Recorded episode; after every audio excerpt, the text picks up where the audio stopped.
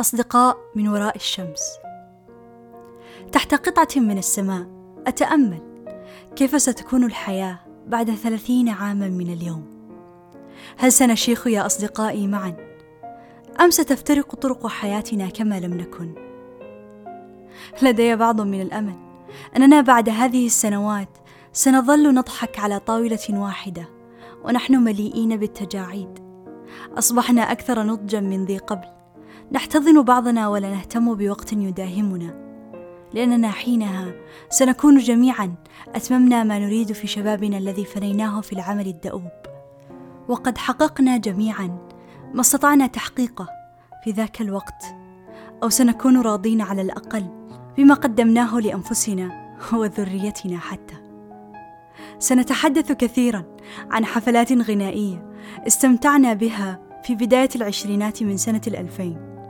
وكيف كانت أفكارنا في تلك السنوات وكيف تغيرت الكثير من معتقداتنا وكيف كانت قسوة منعطفات الحياة بنا قد أثبتت ثقل قوتنا. سنذهب لمكاننا المعتاد في طاولتنا المعتادة نطلب مشروبنا المعتاد وندخن سجائرنا المعتادة لنتبادل الحديث ولكن سنكون نحن المختلفين. ستكون قصص حياتنا مثيرة للاهتمام. مليئة بالتعب والفشل والكثير من الانتصارات.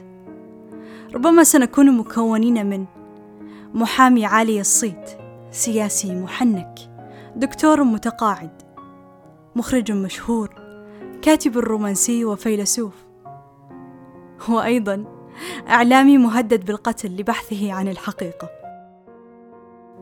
أنا على يقين أننا سنكون مثيرين للاهتمام حين نصل لعمر تمتلئ به رؤوسنا بالخصل البيضاء.